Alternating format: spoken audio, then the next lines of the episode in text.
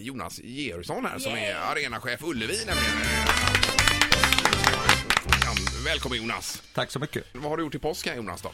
Jag har varit i Göteborg, Ja. kopplat av. Eh, vi hade derbyt på Ullevi. Ja, Just det. berätta, hur, hur, många- hur, det var ju hur mycket folk som helst va? Ja, det var eh, 15-16 000 och Men som arenachef, vad är din uppgift? Vad gör du? ja, det är många som undrar. Nej, men jag ska väl försöka få verksamheten att fungera. Ja, och pratar vi bägge arenorna här då i stan? Alla Ulleviarna, ja. Ja, det är ju ett gediget uppdrag får man ju säga. Men hur står sig Ullevi-arenorna nu med tanke på Friends Arena som har dykt upp här och suger upp det mesta? Eller stora delar i alla fall. Nej, Jag tror att det kommer att bli tufft, det blir tuff konkurrens, eh, men det gäller att springa lite fortare, hoppa lite högre, så, så ska vi nog få våra evenemang till Göteborg Mm. Ja, också. det hoppas vi verkligen att eh, vi får se eh, Bruce och de andra här igen då i stan. You- U2 igen. Och... Man har ju diskuterat tak och så vidare fram och tillbaka på Ullevi i olika omgångar, men det blir det väl aldrig, eller vad tror du om det? Det vet man aldrig. Jaha, vad lurig du är nu. Är det på gång? Oj, oj, oj! Någon typ av markis? Nej. Nu, nu flinar han lite Jonas här. Nej, det är inget på gång just nu. Nej, det är inte det. Nej. Men det hade ju varit någonting för att konkurrera på, på riktigt här. Givetvis. Men har du sett en och annan skiss på ett tak över Ullevi? Ja, det är klart man har sett skisser och man har drömmar och visioner. Men man, man ska vara realist också. Ja, ja. Det är ju inte gratis. Kostar ju säkert över en miljon att sätta tak på Ullevi. Men nu är, det Nej, ju något, inte riktigt så mycket. nu är det ju något annat som är på gång då här i juli.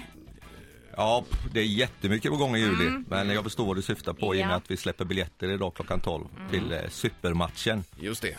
Eh, en dröm igen får jag väl säga. Eh, Real Madrid mot Paris. Ja, Ja. Ja, det är så det är fräckt. coolt. Och det blir eh, med Zlatan och Beckham då på ena sidan och Ronaldo och gänget på andra där.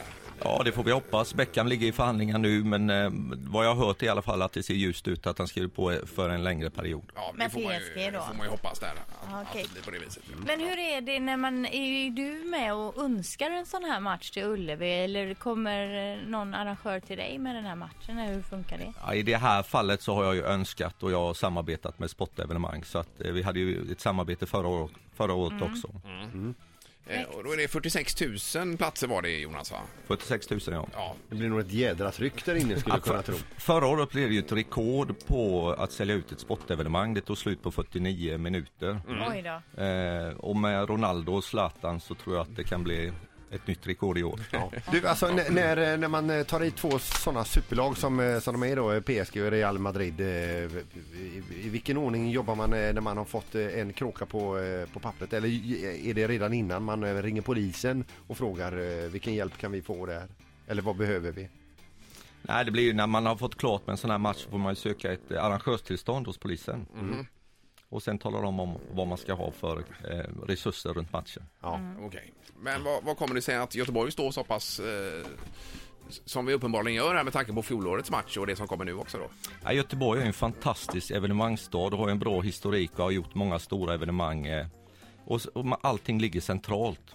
Eh, hotell, restauranger, arenorna, allt ligger centralt i stan. Så att de här lagen klockar ju varje minut när de är här. Hur lång tid det tar från flygplatsen till hotellet, från hotellet till träningsanläggning, från träningsanläggning till matcharena.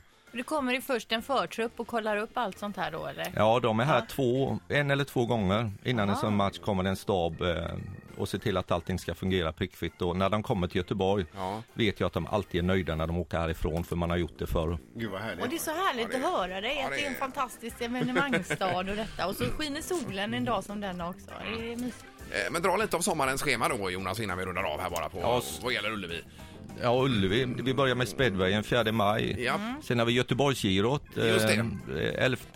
Alla ska väl cykla, jag ska Ja, göra det i alla fall. Ingemar i alla fall. Jag ska cykla här.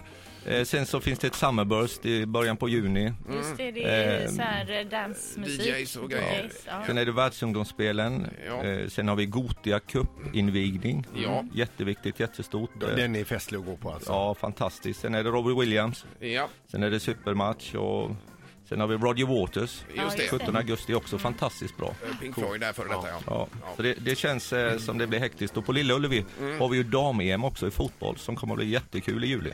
Ja, ja. Säger du Lilla Ullevi själv alltså? Ja, jag menar givetvis Gamla Ullevi. Ja, jag menar det. Ja, visst, men det finns ett stort och ett Men man litet. fattar Det finns ju. ett stort och ett Ja. litet. Ja, helt rätt. Ett poddtips från Podplay. I fallen jag aldrig glömmer djupdyker Hasse Aro i arbetet bakom några av Sveriges mest uppseendeväckande brottsutredningar. Går vi in med hemlig telefonavlyssning och, och då upplever vi att vi får en total förändring av hans beteende. Vad är det som händer nu? Vem är det som läcker? Och så säger han att jag är kriminell, jag har varit kriminell i hela mitt liv men att mörda ett barn, där går min gräns. Nya säsongen av Fallen jag aldrig glömmer på Podplay.